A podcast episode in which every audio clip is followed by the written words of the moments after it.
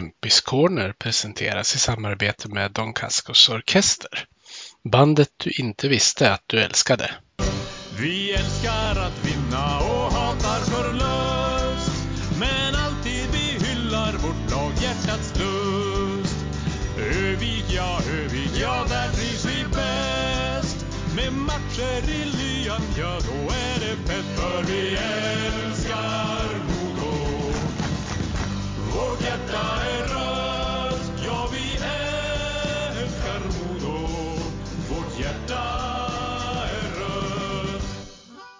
Hej och välkomna ska ni vara till Kempis Corner. Vi har kommit upp i ett eh, litet jubileumsavsnitt med nummer 50 och vad passar då bättre än att ha med Modos senaste nummer 50, Tim Wahlgren, som eh, nu ny för i året i Vita Hästen. Eh, Välkommen till podden Tim.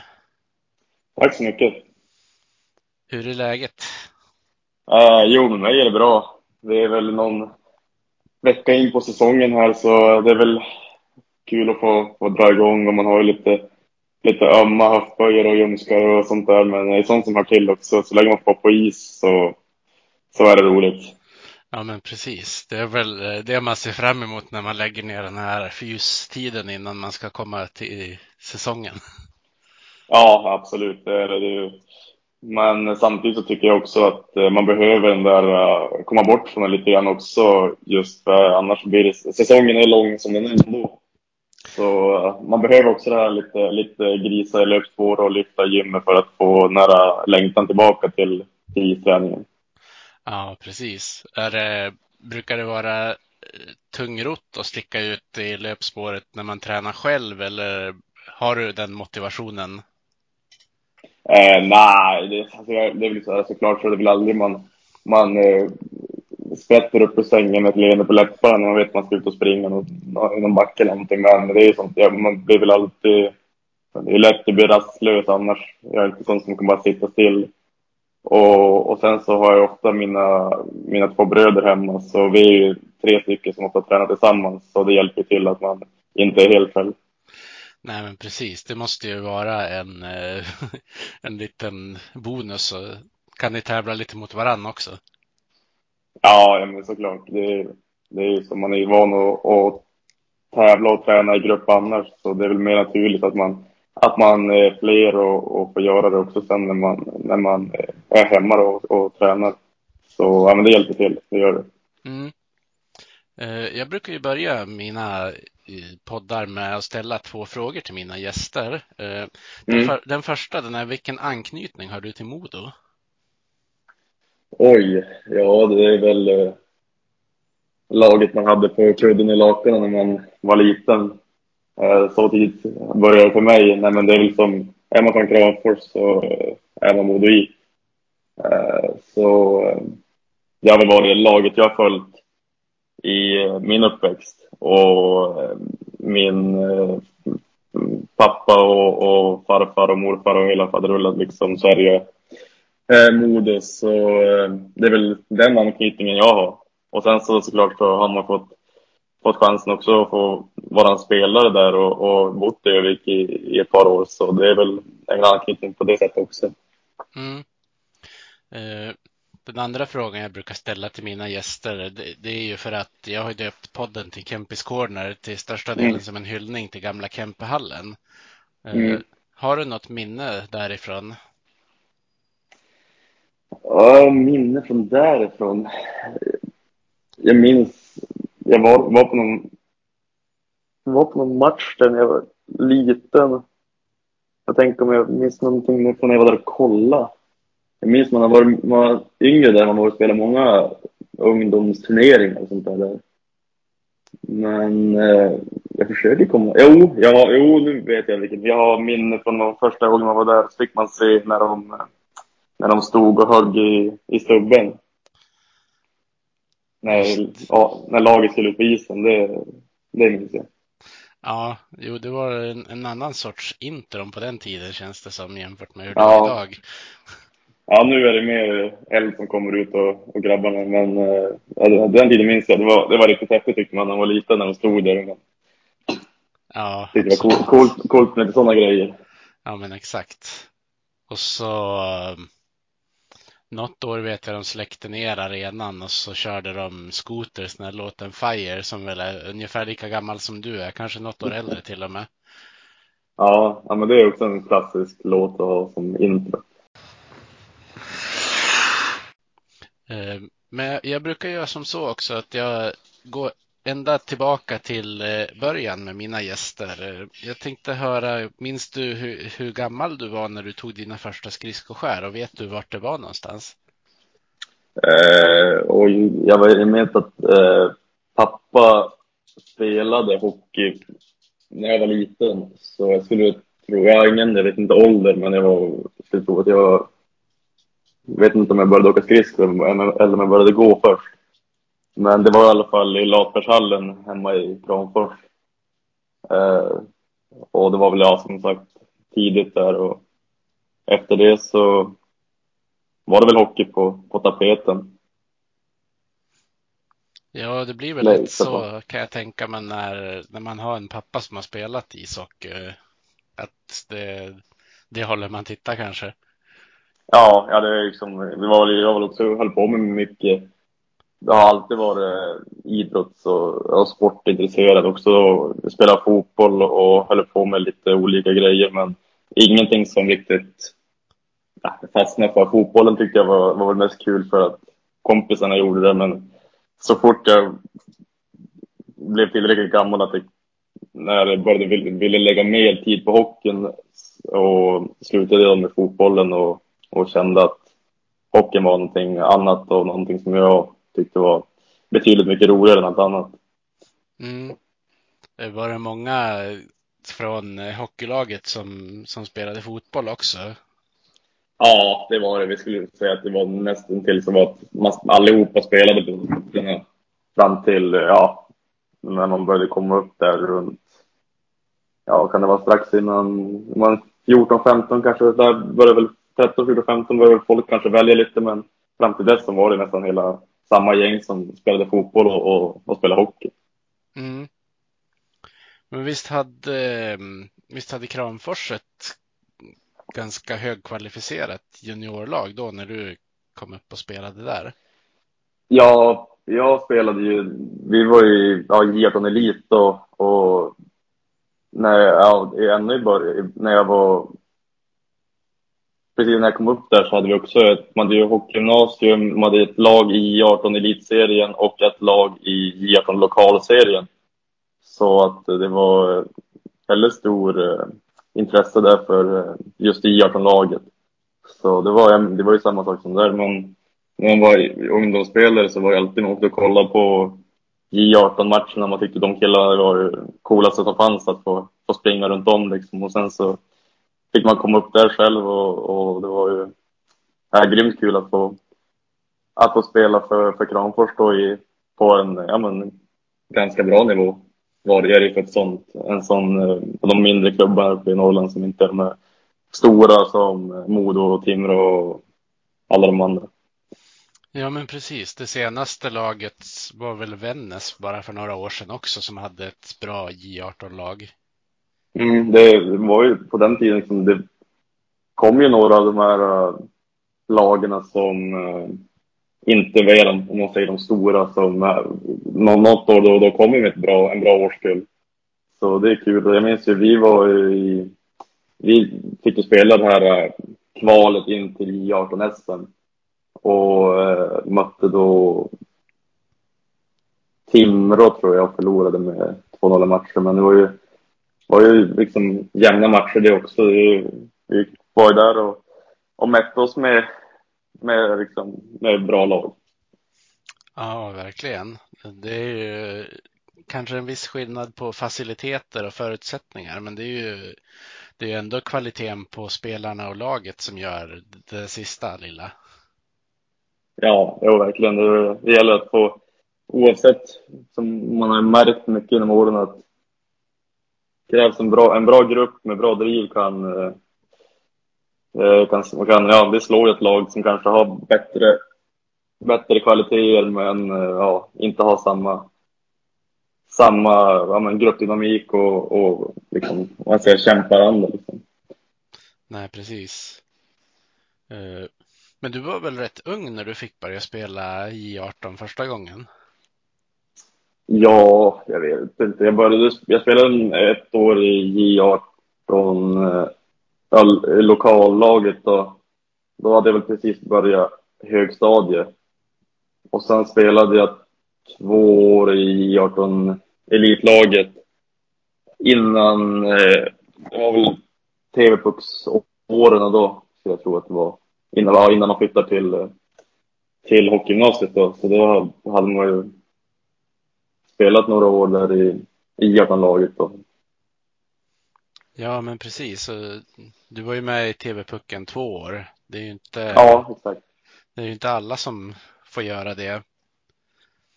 Nej, det var, jag minns inte tillbaka på det, men det var också, det var det första riktiga, det här man, man ska slå sig in i och få vara med och det var, en, det, var ju, det man drömde om när man var ung, det var ju TV-pucken. Så det var eh, grymt kul att få, få åka iväg till något sånt där stort och få eh, representera Ångermanland med allt vad det innebär och få tävla mot andra av de bästa i, i landet.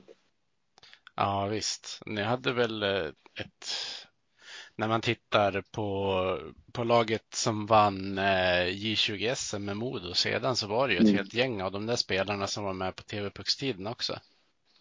Ja, ja, vi var ett gäng som eh, gick från eh, äh, TV-pucklag och, och sen började spela i Modo och äh, ja, men höll igång hela vägen och fick, fick äh, ta ett J20-guld också. Så ja, det var väldigt kul. Det är en av en av höjdpunkterna hittills i, i karriären, absolut. Mm, det kan jag tänka mig. Eh, ni hade ju hade väl samma, samma stomme kan jag tänka mig då när ni började hockeygymnasiet också? Ja, det var väl, just när jag tog J20, det var väl en blandning med, det var väl 97, 98 där. Och det var ju många som, jag, som sagt, jag spelade med i TV-pucken båda åren där med. Eh, och sen 98-årskullen som vi fick in, där var det ju, var vi ett gäng som, som, eh, ja, som sagt höll ihop från TV-pucken och, och samma stomme ungefär från hockeygymnasiet upp och, och som sagt fick avsluta där, eller ja, det inte avsluta, vi hade ett år till också, men eh, det var väl eh, guldet där som prickade när vi dit. Ja, visst. Men du, när, när, när du skulle välja hockeygymnasium, var det solklart att det skulle bli Modo då? Ja, det var det. Jag tror jag, jag, tror jag gjorde, jag, om jag minns rätt så, man, man, skulle, man sökte ju inte hockeygymnasium, men jag tror jag, bara, jag tror jag bara sökte ett. Jag tror jag bara sökte Modo. Så det var ganska självklart för mig att gå dit. Hade du fått eh, veta att du skulle kunna komma in också? Jag tänkte om du nu bara sökte ett. Ja, men det var väl eh, liksom Modo och eh, några fler är väl, var väl de eh, största liksom eh, hockeygymnasierna som alla ville dra till. Så du har, hade väl varit i kontakt innan och var väl ganska klart, klart för liksom om du, om du kommer in eller inte. Så det var väl, ja det är väl klart också men jag valde också att inte, inte, oh, inte resa runt och prata med andra utan jag var ganska klar med vart jag ville gå. Mm. Ja, det var ju ett gäng Ångermanlandskillar och så ett gäng från Västerbotten kryddat med någon fler lite mer utifrån då, som kom in på det där hockeygymnasiet? Ja, det var väl en blandad grupp, men det är väl ganska, ändå ganska norrländskt var det väl. Det var någon stockholmare också sådär, men det var ju eh, William Eriksson, Ståhl Yrenäs från Björklöven och sen var det en hel del ångermanlänningar. Så det var en, en bra grupp tycker jag. Som, som hade, hade fantastisk tid. Kul ihop och, och det var en här, ett härligt, härligt gäng. Ja, men det förstår jag. Ni verkade ju ha bra, bra gruppdynamik där. Ja, nej, men det hade vi verkligen. Och det är ju otroligt viktigt om du ska frodas i din utveckling och, och både, både må bra och eh, kunna träna och, och spela bra och pusha varandra liksom, för att bli bättre. Och då, allting det går ju hand i hand med att du med, trivs med närvaron och, och har kul på vägen. Så är det. Mm. Och eh, under vägen där så fick du ju en, del- en del eh, landslagsrutin eh, också. Om man kan kalla det rutin när man börjar när man är 16. Ja, ja jag fick, fick äran och chansen att, att få spela en hel del eh, i landslaget. Och det var, på den tiden var det ju ganska mycket. Det var ju nästan varje gång det var lov och sånt där var, man, var ju alltid något läger och det var turneringar hit och dit. Så det var ju en hel del åka och resa och spela. Men otroligt kul att få, att få spela på Sverige också. Att man har fått resa runt och i alla världens hörn och, och spela liksom. Man minns ju med första, första gången man var iväg, man hamnade i Tjeckien i något, i något ställe som man trodde helt omöjligt ska finnas en ishall här tänkte man. Det ser ut som gammal eh, by med kärnkraftverk och grejer och vad det såg ut som. Men, och rinkarna kunde ju vara, rinkarna och hotellen och allting ibland kunde ju vara si och så men eh, man fick åka iväg och spela bra hockey och, och, eh, och allt det där så det var, det var häftiga upplevelser. Ja, det kan jag tänka mig. Vad, vad är det konstigaste du har upplevt på någon sån där resa? Då? Oj, man har, det Sen var det har varit en hel del. Eh, Ryssland är ju alltid speciellt. Där hade man ju kanske lite sådär förutfattade meningar också, men när man kom dit och eh, liksom man är väl kanske van att och få, eh, ja men ska du ska gå på, på lunch mellan träningarna eller något sånt där och, och man är van att få lite sket och köttfärssås eller någonting och så ligger det och helgrillad eh, fisk och, och lite grejer som man inte var så sugen på kanske att trycka i sig. Och då snackar vi inte någon fin torsk utan då var det en hel fisk som man knappt, jag vet inte om det fortfarande sprattlar lite grann. Så, att och sen så om jag skulle få sitta och fundera skulle jag säkert kunna komma på massa olika stories som man har hänt när man har varit ute på de här resorna men eh, det är mycket roliga minnen man har på sånt där. Jag kan tänka mig det. Och det är väl en särskild upplevelse kanske att åka till de här lite mer östeuropeiska länderna också. Ja, det är verkligen, eh, man ska säga, annorlunda från vad man är van med. Sedan det liksom, det, här hemma så vet man ju vad som gäller när du går till affären och, och när du ska spela match och allting och där kunde det, det kunde hända lite vad som helst egentligen. Ja, Jag tror det var en gång vi var i Ryssland så, jag tror det var, någon, jag, jag tror det var sista dagen vi skulle spela. Och då var det en, var en som föll ihop i båset och svimmade av under matchen. Och då tänkte vi, ja vad är det här då? Och så slutade det med att dagen efter då reste vi hem.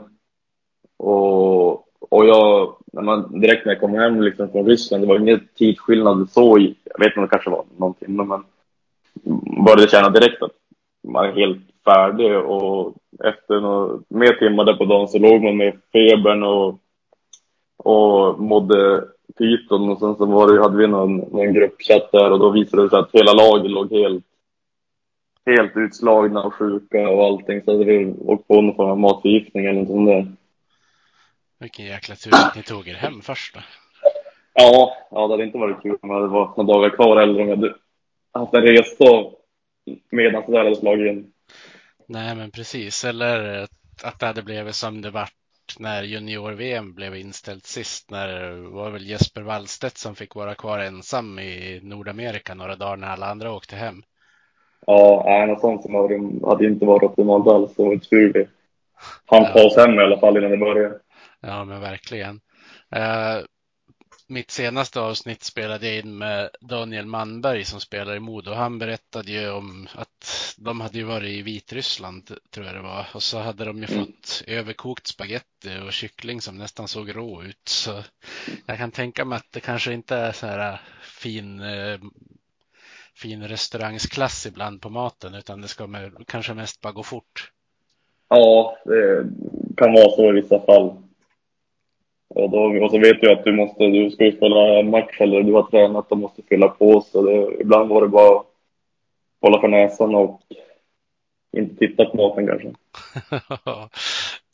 det kan jag tänka mig faktiskt. Mm. Men du fick spela ett par turneringar med, med landslaget också. Vart var ni någonstans då? Ja, man har ju varit alla, vad ska man, alla samhällsturneringar, men jag på de större turneringarna så var det väl först eh, den här eh, Under 17 World Challenge. Då var vi, vad var vi då? Var vi, vi spelade i Sarnia Stings, OHL-laget eller var det, deras hall. Det var den första turneringen man åkte på när man var typ, det var 17. Uh, eh, och det var också någon av första gångerna man åkte över och spelade på liten rink. Så, eh, och fick möta USA och Kanada, så det var en, en väldigt häftig resa.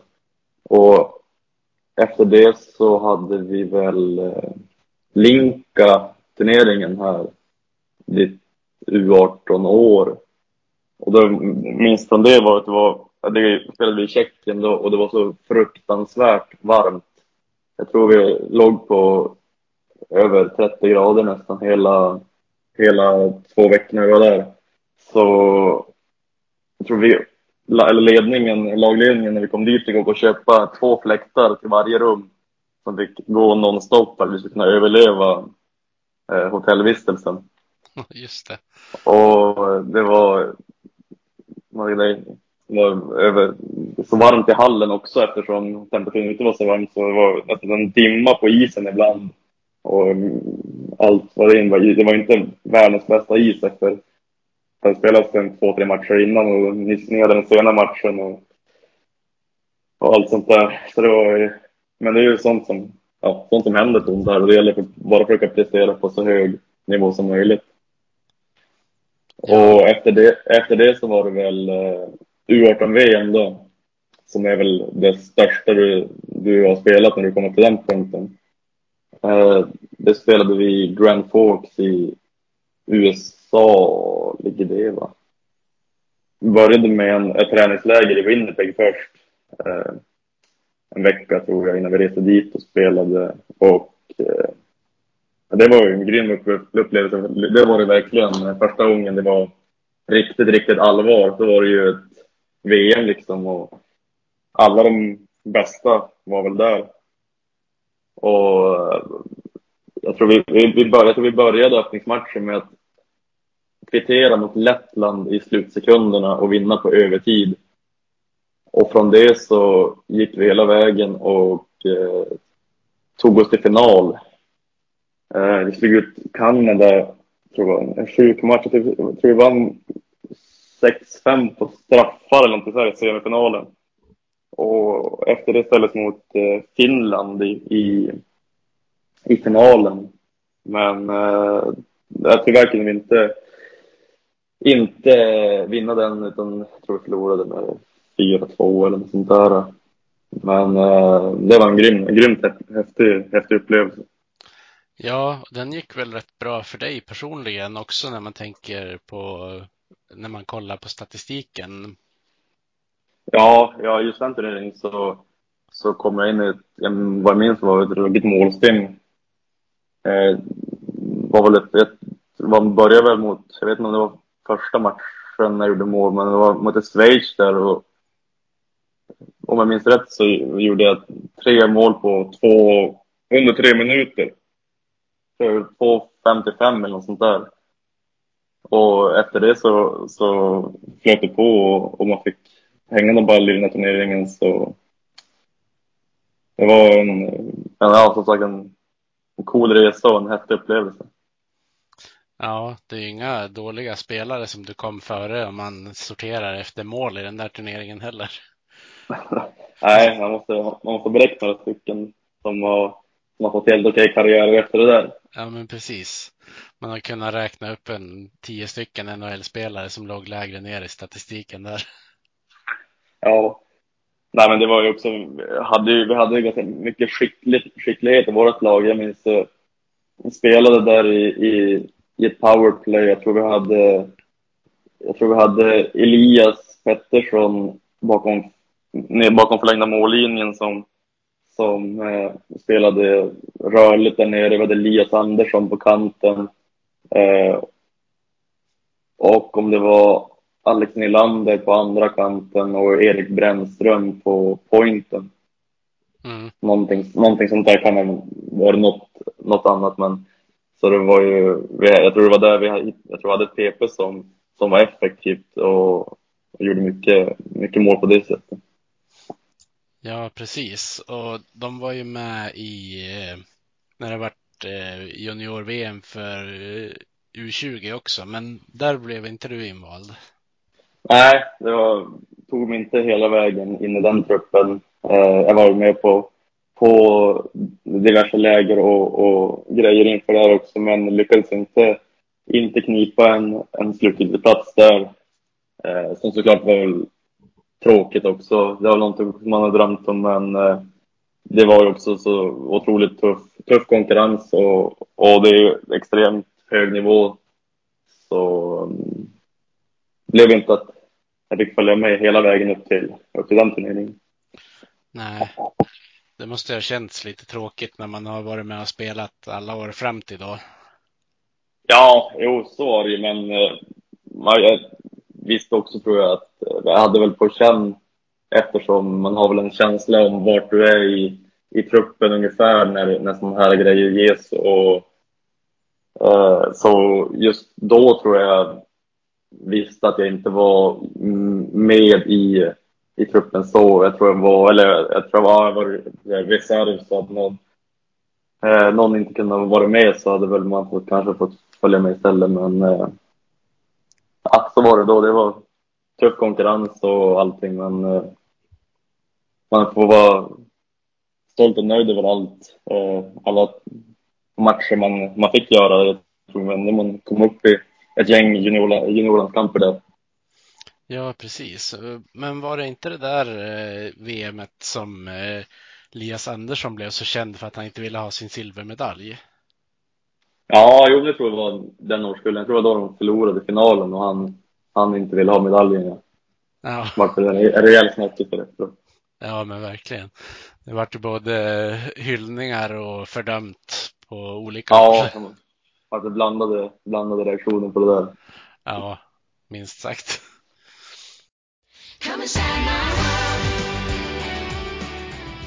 Jag tänker när du kom upp i Modo och började spela A-lagshockey, det var väl mm. inte den bästa tiden kanske att komma upp där?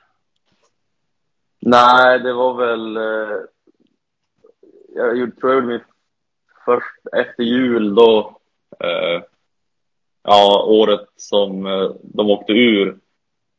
Jag vet inte när det, när det, det var kanske i februari där någon gång. Så fick jag vara med i ett back-to-back-möte mot HV. Första hemmamatchen satt jag på, bara med på bänken. Och sen dagen efter jag mötte dem igen så fick jag mina första minuter.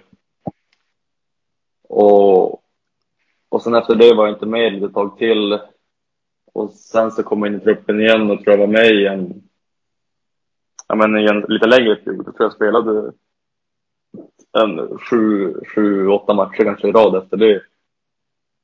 Så eh, det var ju såklart väldigt, eh, det var väl det man har drömt om som var liten att få, få göra debuten där och, och SHL och, och med Modo och allt. Så, men som sagt kanske inte var den eh, bästa sitsen eh, för Modo just då tyvärr. Och Eh, men, men för egen del så var det enormt kul och en, eh, ja, som sagt en dröm där att få, få göra debut i högsta ligan och, och allt vad det innebär. Ja, du fick ju göra ett mål i SHL också.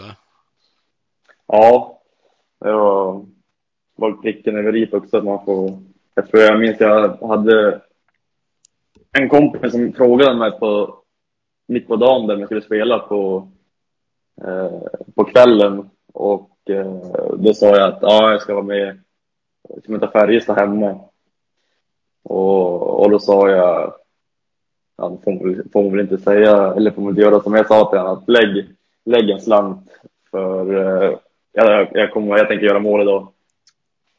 Och det slutade med, jag tror, jag tror Carl Grundström fick matchstraff i slutet på första perioden och då fick jag hoppa in på hans plats. Och sen tog det några minuter där och vi rullade upp ett anfall och plötsligt så får jag pucken mitt på banan i anfallszon och tänker att äh, nu drar jag iväg den här. Och så slank den in under armen. Ja, och vi gör det på hemmaplan också. Ja, nej, det var, det var grymt. Det är någonting, det är ett av, ett av minnena man, man nog kommer bära med sig länge. Just det där att få, ja, sagt, göra det på hemmaplan och känslan när du, när du får se den gå in. Men eh, sen slutade ju inte säsongen så roligt för Modo. när man den där snöpliga, minst sagt, förlusten i, i kvalspelet som man fortfarande inte riktigt kan förstå hur det gick till. Nej, nej verkligen. Det är någonting. Skulle den matchen spelas om hundra gånger skulle nog resultatet bli annorlunda hundra gånger. Men eh, ja, så blev det. Och eh, det var ju enormt tungt just då, just både som, som en spelare och som, som, en, som ett, liksom, ett fan. Ja, och du fick inte vara med och påverka på något sätt heller eftersom du inte var med och spelade de där matcherna. Nej, exakt. Jag var inte med så i kvalet eller något sånt där. Så det var bara att sitta och, på läktaren och, och hålla tummarna och heja på. Ja, det måste ha känts otroligt overkligt att vara på plats där när, när det slutade på det sättet det gjorde också. Ja, jo, verkligen. Det var ju någonting som man...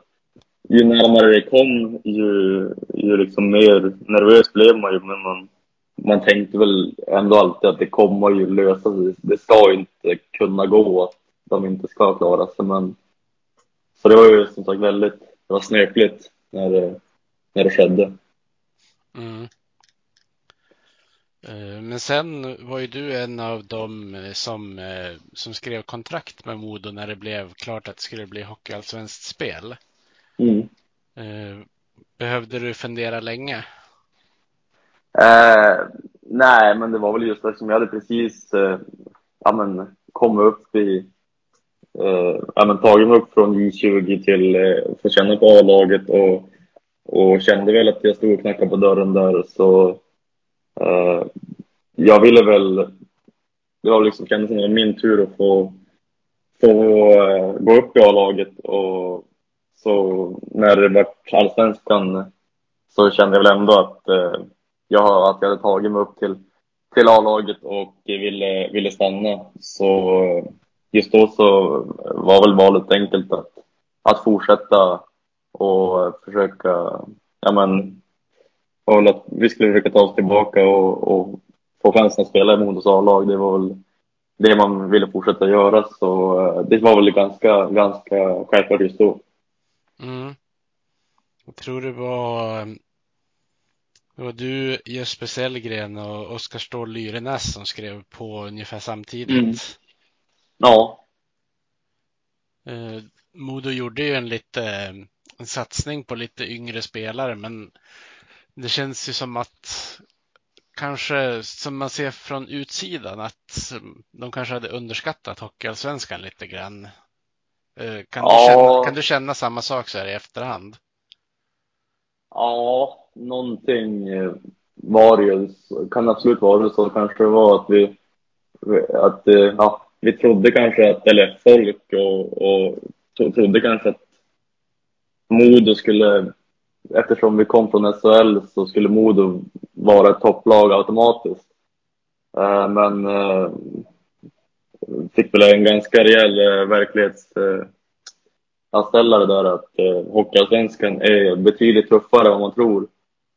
Och eh, fick väl eh, första året, eller åren där blev väl tuffa när vi inte riktigt eh, lyckades hitta vår identitet och inte lyckades liksom eh, fylla ut eh, våra, våra skor och våra, våra kraven som fanns på oss, skulle jag väl säga. Nej, precis. Och, och Första året så fick ju till och med Andreas Johansson gå från, från sin position och så kom Pelle Bäckman in Då Mm. var, kan jag väl tänka mig att det varit lite mindre spel för er yngre när man hamnar i den situationen som laget gjorde ändå. Ja, men såklart så fanns ju alltid, det var väl, var den, det tanken var och eh, alltså, vad man, taktiken var, det var väl att Eh, gå ner ett snäpp kanske inte behöver vara sämre eftersom eh, vi unga kan få mer chans. Men just när det, ja, det blev som det blev med laget så kanske inte blev optimalt egentligen. Eh, eftersom det blev ju så kniv mot strupen och, och allting. Så man hade väl gärna fått fått kanske lite mer, eller fått mer eh, tid att, att utvecklas och lära sig seniorhockeyn de första åren. Men eh, nu vart det väl allvar och kniv på strupen eh, ganska tidigt. De där första åren. Ja, då måste det ha varit lite roligare när du fick eh, kliva in i J20 och förstärka dem i, i slutspelet där. Ja, nej men absolut. Eh, Det var väl så att efter en ganska tuff säsong eh, så och få kliva ner. Vi var väl ett, eh, jag tror vi var ganska många som klev ner från A-laget. Eh, Ja, ni till- hade Jesper Lindgren, Jesper Sellgren, Stål Lyrenäs, du, eh, Oskar Öhman.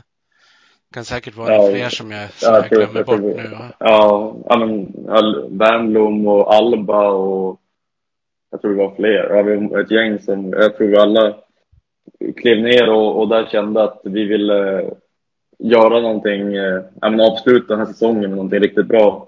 Och bestämde väl ganska tid också efter att eh, vi skulle verkligen gå för det. Så jag tror, jag tror att vi gick ner och vi avslutade också serien med J20-laget.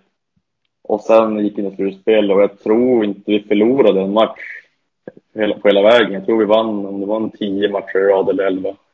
Mm. Så vi, vi, vi bestämde oss där och vi satt foten på gasen direkt. Och vi kände också att vi hade en riktigt bra chans att vinna, att vi hade ett bra lag.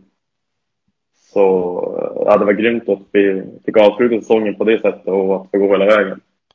Ja, jag, jag var, minns att jag var i Timrå och kollade när ni mötte dem. Det var väl kvartsfinalen det. Eh, Ja, Då hade de ju bland annat Dahlén och, och Elias Pettersson också, så de var väl inte så dåliga de heller. nej, det var ju ett riktigt... Eh, vi hade, jag kan nästan lova att hade, det var ju att inget lag ville möta oss och inget lag ville möta Timrå så att vi fick varandra i kvartsfinal. Mm. Annars så hade vi, det där, varit, det där var finalen. Kan man säga. Jag tror det var också något av det, ett av det häftigaste jag upplevt på, på J20-nivå. De där matcherna mot Timrå. Jag tror det var nästan, om det var 3000 och, och 2,5 eller 2000 på matcherna. Båda två. Eh, och det var riktigt hög nivå på, för det var juniorhockey på de här matcherna. Ja, Isak Wallin var gjorde ju någon riktig megaräddning minns jag i matchen i Timrå. När det, det var väl typ nästan två mot noll och jag tror det var Elias Pettersson som avslutade. Ja, ja exakt. Det, det var grymma matcher och, och häftigt att få spela just de där. Det var, det var nästan det var på seniornivå med allting. Och eh, ja, som sagt, det var, det var nästan finalen för, för efter det när vi tog oss till, till Nyköping gick allt det där. va, Då, då var vi, jag tror vi också, jag tror vi var, jag tror vi vann på straffar både semifinal och final, men eh, båda de matcherna var vi, var vi bättre än, än motståndarna och, och i slutändan så var vi, var vi tillräckligt starka för att, för att ta guldet. Ja visst, och ni hade ju eh, klack på plats och allting. Eh, både matcherna som ni spelade innan ni åkte dit ner och där nere. Ja, ja, det har jag faktiskt ett väldigt tydligt minne av. Jag minns hur det var väl en, ett gäng riktiga tokar som, som var med, följde med hela resan med, med I20-laget där och det var, var grymt att få, få spela juniorhockey med, med sån, sån eh, tryck på, på klacken och så. Så det var riktigt häftigt. Ja, jag, har en, eh, jag minns några videoklipp jag har sett där ni står med, med bucklan där och så sjunger de Den som inte hoppar han är timroit. Har jag för mig att det var. Ja, det låter absolut som att det kan vara så. Ja.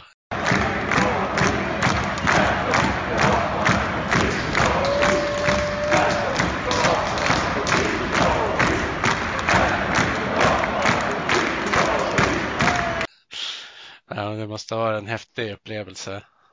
Ja, ja men det var verkligen grymt. Och sen eh, var det ju ett gäng som fick åka iväg till Ryssland efter det. Men där var inte du med va? Nej, exakt. Det var, ja, det är väl där de vinner SM-guld för att åka iväg på det där. där och möta andra, jag vet inte om det är vinnare från andra juniorligor.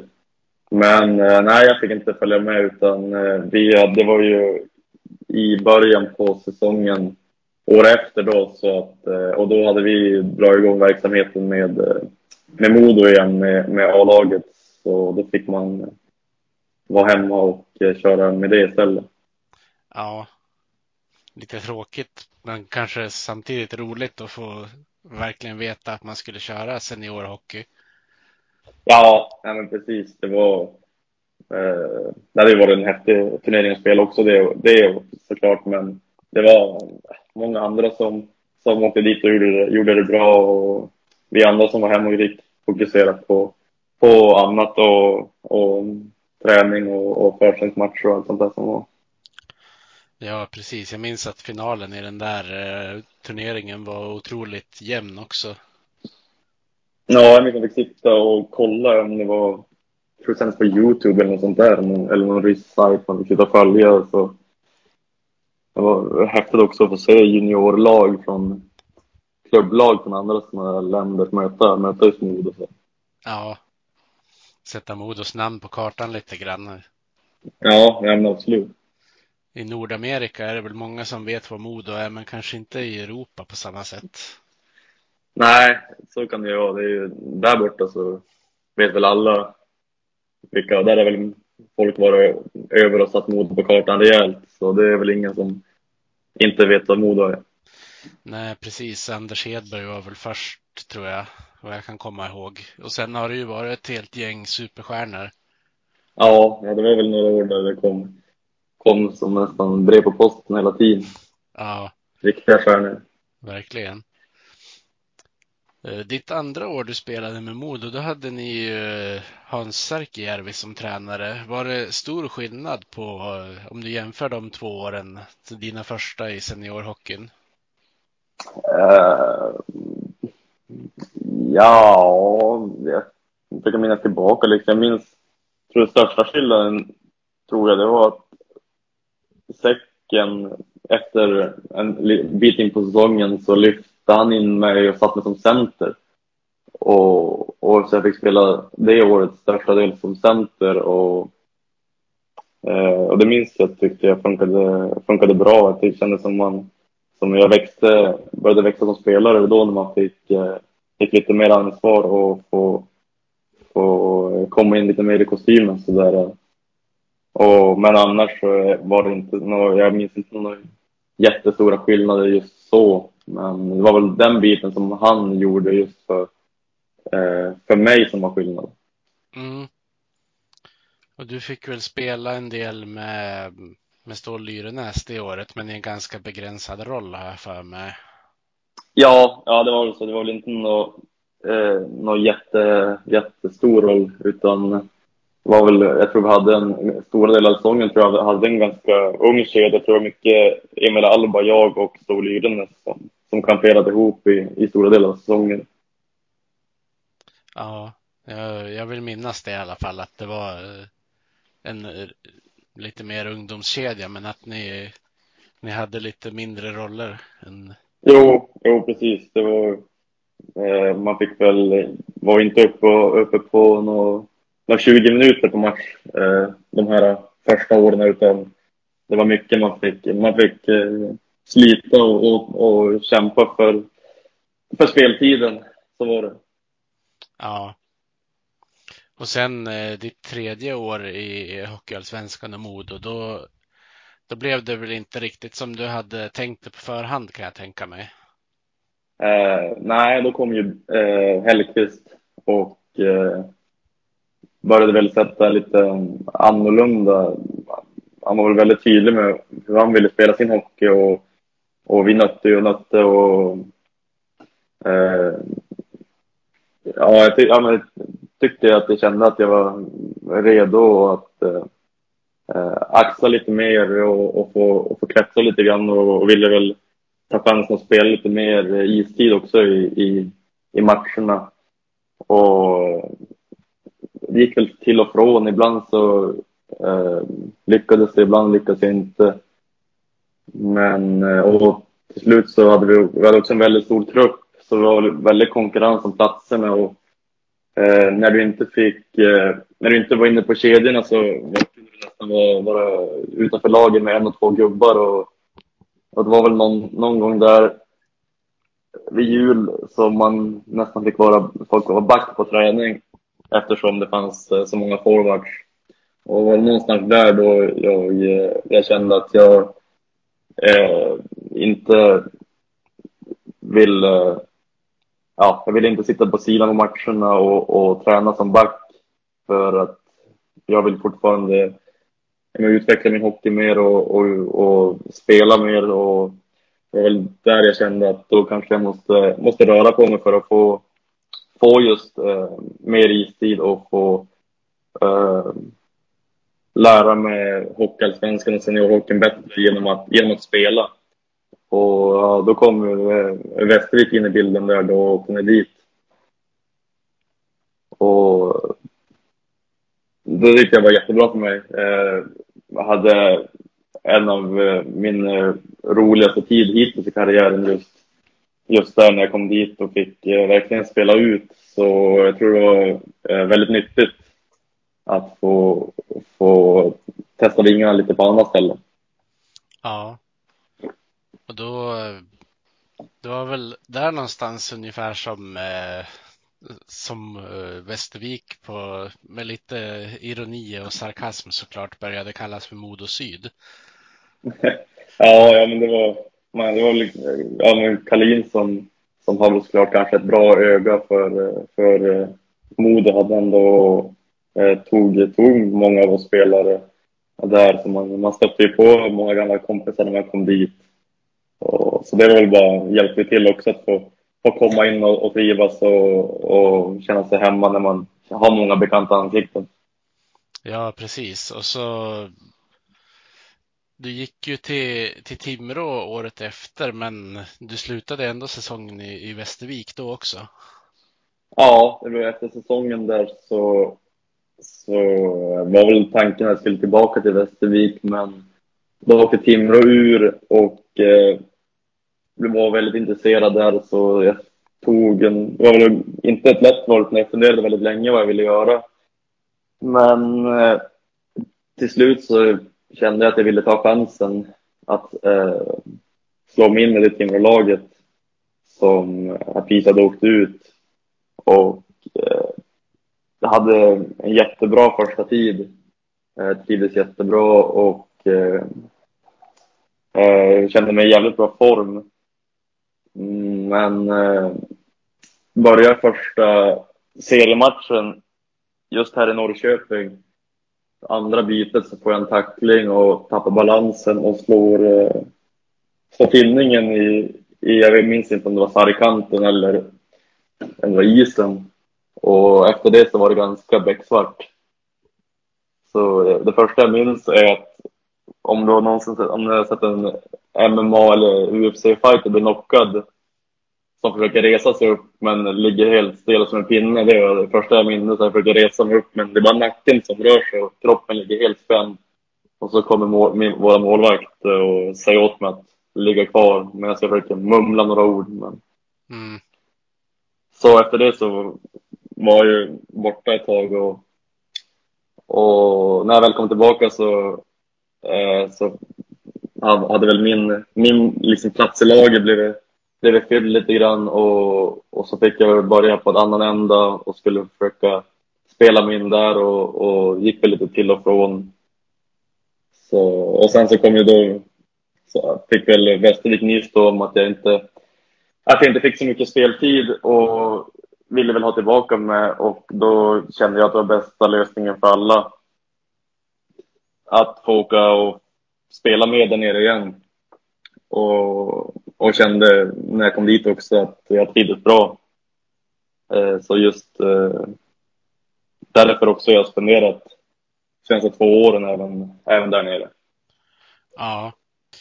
Var det första hjärnskakningen du hade då eller hade du haft någon tidigare? Nej, nej det var första, enda och sista får man peppar peppar säga. Så jag har aldrig varit med om, om något sånt förut. Och, så det var, det var lite, lite läskigt också, men som tur är fick jag inga, jag fick inga men efteråt. Jag hade lite, lite huvudvärk och sådär eh, efteråt, men inget, jag, var, jag var borta en, en, två veckor kanske. Men eh, med tanke på hur, det var just det där med att att det blir, det blir svart och, och du minns ingenting och, och det som var den, den läskiga biten. Men som tur är så var det inte värre än så efteråt. Nej. Nej, man har ju hört skräckexempel på hur det kan bli för en del andra hockeyspelare. Ja, verkligen. Det finns ju massor med stories av folk som, som det går mycket värre för. Där, där det kan ta väldigt lång tid för ens att, att komma tillbaka både till vardagen men också för att komma tillbaka till hockeyn. Ja, visst. Då, då gick det ju ändå förhållandevis bra för dig att det bara vart några veckors frånvaro. Ja, men det måste jag säga absolut.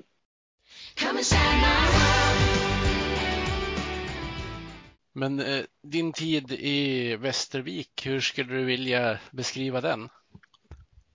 Eh, men den tycker jag absolut har varit nyttig och jag tycker det min tid där som jag har eh, ja, men växt in i, i kostymen och eh, lärt mig och, och utvecklat mig själv till att vara en allsvensk spelare eller en seniorspelare. Eh, får man säga. Där jag har fått eh, eh, mer istid och, och fått eh, sätta mig själv i, i situationer där jag, där jag kan utvecklas och, och spela mycket. Så, och samtidigt som vi har all, alltid varit, eh, ska man säga, vi har ju alltid, alltid, eller vi, säger Västervik har alltid varit uträknad varje år nästan, men eh, det blev slutspel varje gång och framförallt för, för två år sedan då hade vi ett väldigt lyckat år där vi tog oss till semifinal och, och pressade Timrå rejält i, i sex matcher. De som sedan gick och, och gick upp i SHL. Ja, jo, det var. Det var hårda matcher minns jag. Ja, jag, minns bara första matchen åkte vi upp till dem och ska börja då semifinalen och jag tror vi spelade första perioden, tror jag var vår bästa period i, på hela säsongen. Fullkomligt kör över dem, men eh, så jag tror de fick en riktig tankeställare då, men tyvärr lyckades vi inte. Jag tror de ändå ledde med nollor efter första och vi fick inte hål på dem. Och, ja, det var en riktigt tuff serie. Jag tror, jag tror två matcher gick till overtime och, och de vann båda. Och sen så vann de, tog vi en där uppe och en hemma.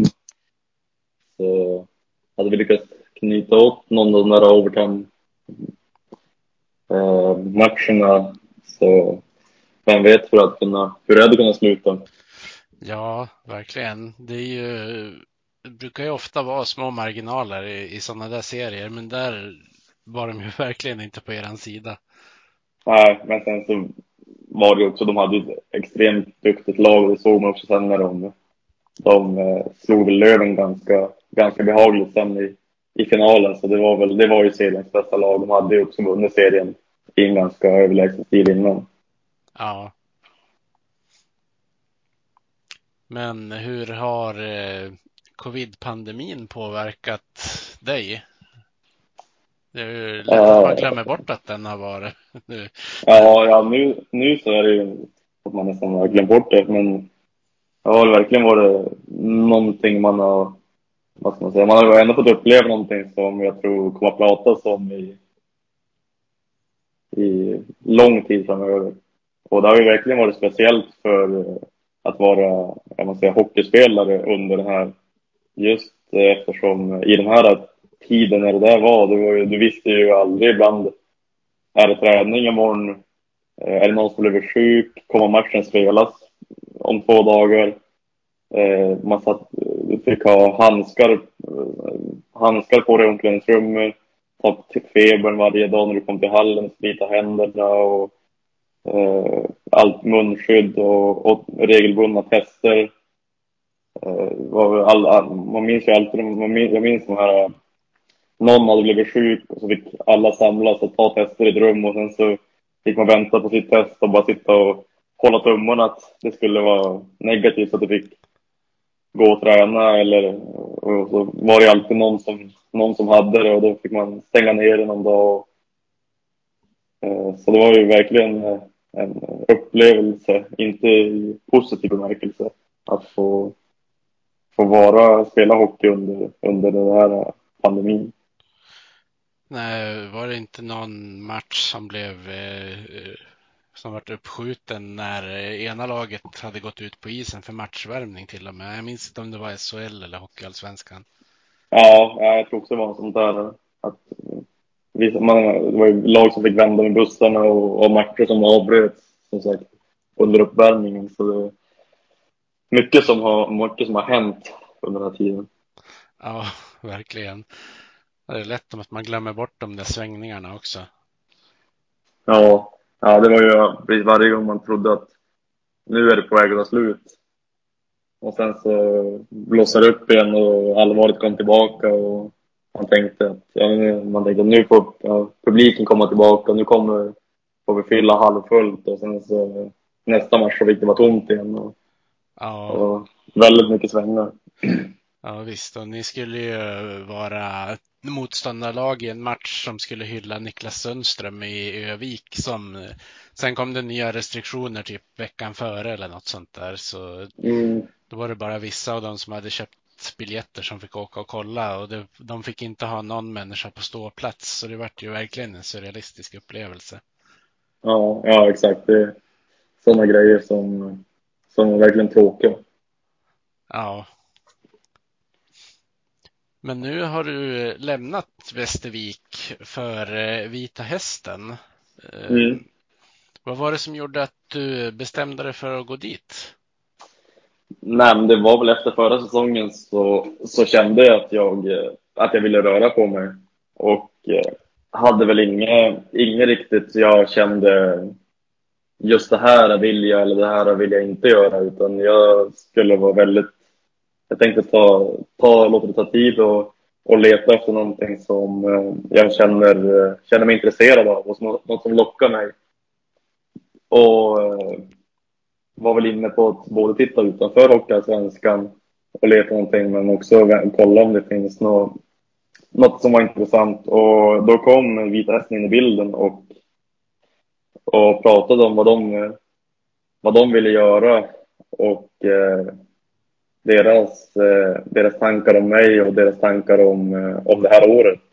Och det, eh, det lockade mig att få, få vara del av det och, och så blev det. Så nu är man här. Ja, och som du sa tidigare så har ni ju börjat kört lite isträning nu. Hur, mm. hur tycker du att det känns med er grupp där? Jag tycker vi har en bra grupp. Eh, det känns som vi har en, en driven grupp som, eh, som, både, som både är väldigt... Eh, jag tycker vi känner, en bra gemenskap. Lätt och sån här, en grupp där det är roligt att komma till hallen och, och vi tar hand om varandra. Men samtidigt så är det ett jäkla driv, eh, driv på träningarna och vi pushar varandra och, och tävlar bra. Så eh, hittills så tycker jag att eh, det känns riktigt bra förväntansfull inför säsongen och se vad vi kan, vad vi kan åstadkomma. Ja, och eh, ni är ju till, till stor del är det ju bara svenska spelare om man bortser från eh, värvningen från Modo i Tanner McMaster. Hur, mm. hur tror du att det påverkar? Eh, det, det brukar inte vara så stort problem, eller stort problem. Men såklart så är det ju underlättar ju med när det är svenskt. Eh, eftersom det kan ju annars vara språkskyldigheter och sånt där. Men, men eh, annars så att ha man har ju spelat med allt från nordamerikaner till finnar till tjecker till allt vad det är. Och, eh, vi pratar ju ändå alla gemensamma språket hockey så i slutändan så brukar det inte vara något problem. Men eh, jag ser ingen nackdel med att vi har ett nästan ett helsvenskt lag med Tanner.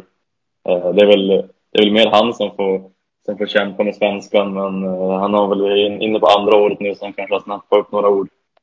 Ja, hockeytermer borde väl några kunna ha fastnat i alla fall. Ja, jo exakt. Men jag kan tänka mig om man ser till laget i Västervik som, som ni har haft så har det ju varit väldigt kryddat med utländska spelare där så det kanske blir en liten ny sak för dig det också. Ja, där hade vi ju eh, betydligt fler. Och, eh, men som sagt, det, när det väl kommer till just hockeyn så, så tänker alla ganska likadant ändå. Eh, det är väl bara liksom kanske ta hit. Nu är ju, har ju Tanner redan varit här och spelat i Sverige så behöver inte ha någon startsträcka. Annars så är det ju, kan det vara svårt för en annan transatlant att komma hit just med svensk hockey och större rink och allting och kan ta en tid att acklimatisera sig. Men eh, nu har ju vi enbart spelare som har spelat på stor rink och, och svensk hockey. Så det, det är väl underlättar också då i, i träningssyftet och, och i spelsättet. Mm. Uh, jag tänker på, du har ju eh, både Vita Hästen och eh, Västervik har ju lite av en historia av att kanske vara säljare snarare än köpare när det kommer till förstärkningar i, slutet av säsongen. Mm. Är, är det någonting man tänker på som spelare att man kan ha liksom olika förutsättningar när det börjar dra ihop sig? Uh, man vet, det är såklart att man vet ju att vissa klubbar har ju mer, större, en mer budget än andra såklart. Men eh, nej, det, jag har varit med om gånger när man har sålt spelare några stycken precis innan deadline och ändå kan spela, de som är kvar, man kan säga, spela på en enormt hög nivå och, och ta sig till slutspel ändå. Och det kan ju vara, när någon, någon försvinner som kanske har mycket speltid kan någon annan eh, steppa upp och, och ta axla en större mantel och göra, göra jobbet bra. Så det, eh, jag tror att i, ett, i en välmående grupp och i ett, i ett starkt lag så, så står det inte och hänger på en spelare utan eh, utan eh, då, då får man det att funka ändå. Vita Hästen har ju också några riktiga kulturbärare. Eh, jag tänker förutom de här självklara Jesper Samuelsson och Marcus Eriksson så finns det ju också ett gäng spelare som Erik Borg som har varit där i flera år fast han inte är jättegammal. Mm. Eh, hur stor betydelse har, har det att det finns några spelare som har lite, lite mer koppling till ett lag sådär?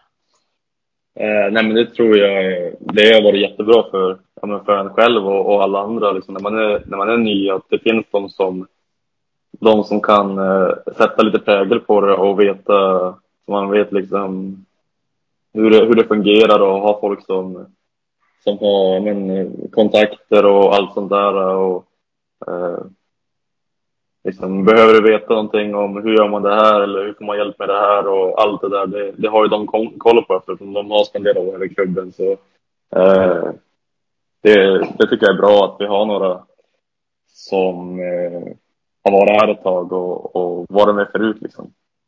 Mm. Sen har du ju en gammal bekant i Viktor Öhman eh, som också har flyttat till Vita Hästen den här säsongen.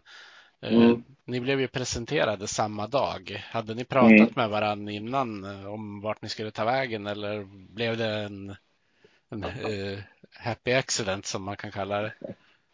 Uh, nej, men jag, ja, det är jättekul att uh, få spela med Viktor igen. Vi, vi har ju lärt känna varandra genom åren, både då jag spelade med, mycket med hans uh, bror Oskar och, och sen när vi spelade tillsammans i Modo och, och allt vad det här. Så, eh, när, eh, ja, när, jag, när jag började eh, knyta mig an Vita Hästen så, så fick jag även höra att han också gjorde det. Och, så då kunde vi prata ihop oss lite grann och det är riktigt kul att få, att få ha han här också. Så det ska bli kul att få spela med honom. Mm.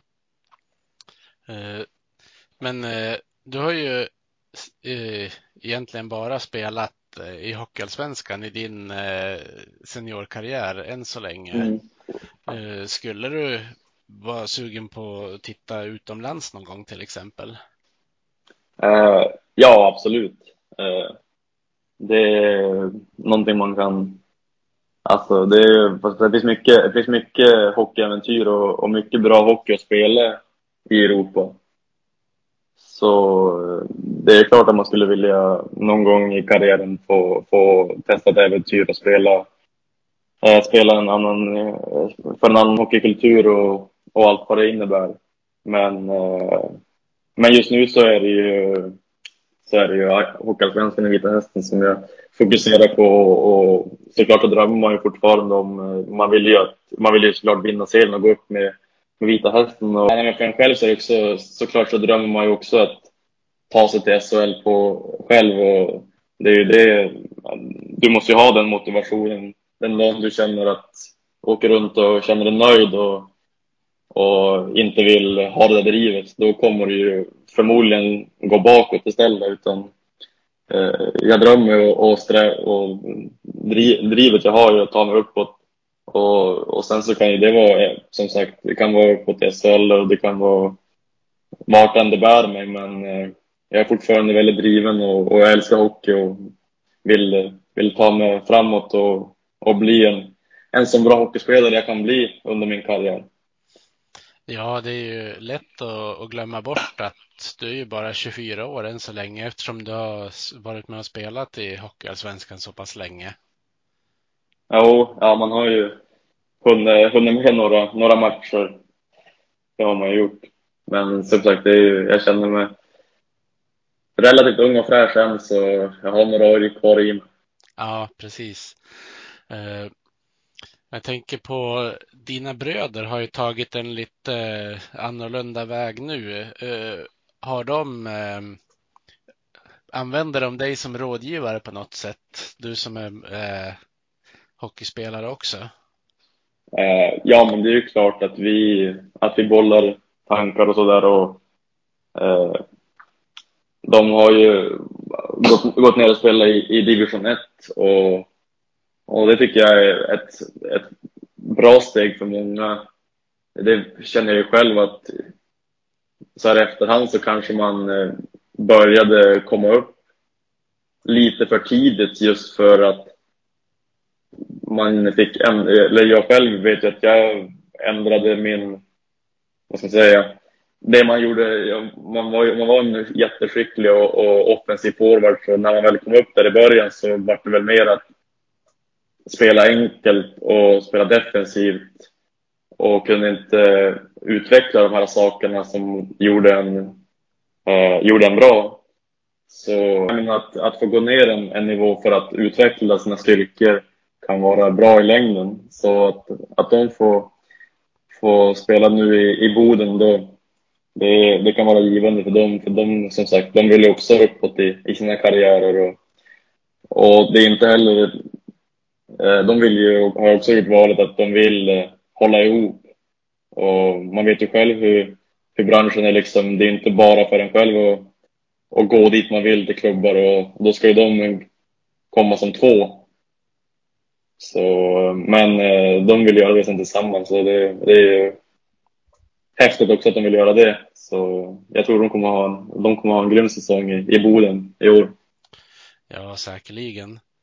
Och man kan ju tänka sig också när man är tvillingar som, som de. Eh, kommer fram i Modo och kanske jämförs med bröderna Sedin bara på grund av att de är tvillingar kan väl kanske vara någonting som kan vara lite tungt också på ett sätt.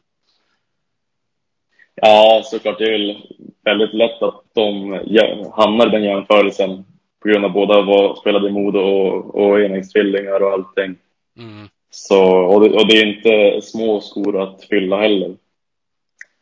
Utan de får göra sin, sin, egna, sin egna resa och, och bli, bli tvillingarna Wahlgren och inte försöka vara tvillingarna Sedin 2.0. Nej, men precis.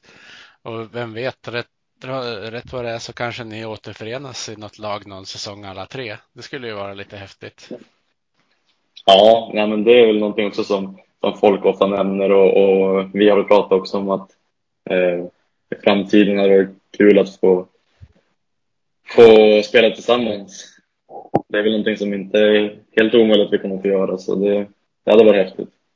Ja, för det hade varit en annan sak om det hade skilt kanske tio år mellan er. Då hade det ju varit lite mer begränsad möjlighet. Men nu har ni ju långa hockeykarriärer förhoppningsvis alla tre framför er. Ja, exakt. Så, så möjligheterna finns ju där, absolut. Ja.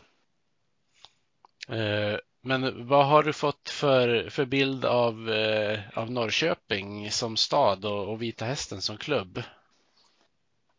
Eh, nej men, eh, Norrköping som stad verkar väldigt härligt. De har inte snålat på solen i alla fall de här veckorna jag var här. Tror jag aldrig haft så höga temperaturer. Men, eh, nej men det är ju en, eh, en större stad, det har man är van med liksom. Och, och kul att det finns lite att göra liksom. Det finns ju eh, ja, massor med, det händer väl saker hela tiden och, och mycket folk och sånt där. Så det är en, roligt att få, få bo i en lite större stad. Och sen så, eh, ja men Vita Hästen, klubben liksom, det, det känns som det är en klubb som eh, är redo att ta sats. Att, eh, eh, de vill spänna bågen lite grann.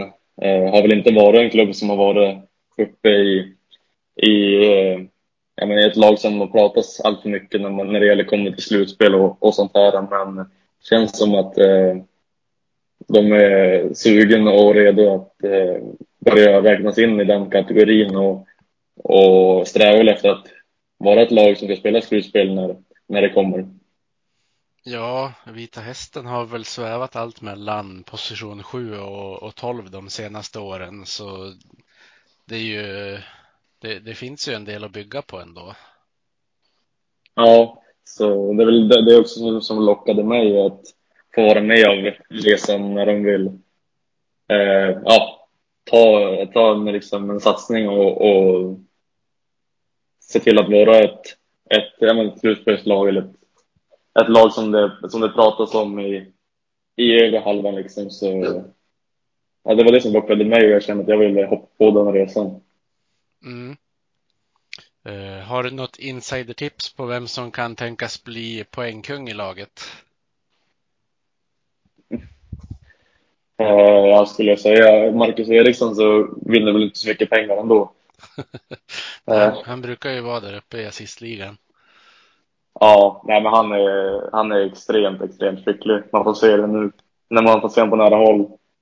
Eh, så det blir svårt att säga någon annan han. Men det, jag tycker vi har en, en blandning med spelare som är intressanta. Med, med ja, men Täner också som, som ni fick se mycket i, i Modo förra året är ju en eh, extremt skicklig spelare. Eh, bra på små ytor och, och Eh, riktigt fin klubbteknik. Så han ska bli också intressant att se. Mm. Det är väl lite tidigt att, att svara på en, men eh, vilka har du fått kampera med än så länge? Eh, ja, vi har inte riktigt gått in i, i kedjervis så, utan det har, det har varit väldigt eh, runt och runt. Så, men eh, ja, det får vi se när det kommer. Jag, jag vet vilken, eh, vilken spelare jag, jag ska försöka bidra med, med min eh, bra spelförståelse och eh, göra mina medspelare bättre genom att i, kunna läsa spelet, bra passningar och, och ska försöka använda mitt, mitt skott lite mer och förhoppningsvis kunna peta in lite mer baljor. Ja, du har ju en, en offensiv som du kanske inte har fått, fått full eh, utdelning för i Hockeyallsvenskan hittills.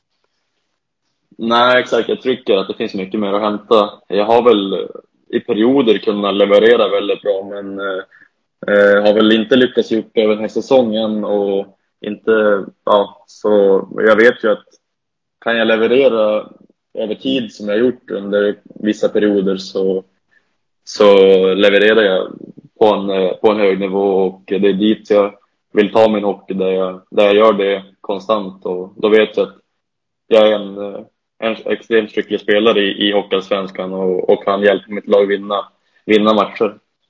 Mm. Ja, men det känns väl som ett bra ställe att, att avsluta på också. ja, ja, det tycker jag.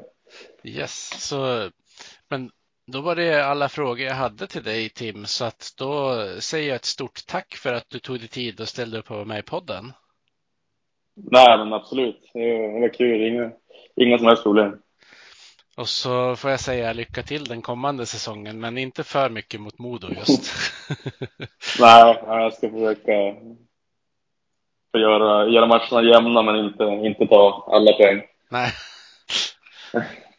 Och så tackar vi eh, alla lyssnare som eh, har tagit sig igenom det här avsnittet och så får vi säga på återhörande då. Vi hejar på Modo, rödvit och grön. Klubben i hjärtat, en känsla så skön. Övik, ja, Övik, ja, där trivs vi bäst. Med matcher i lyan, ja, då är det fest för vi älskar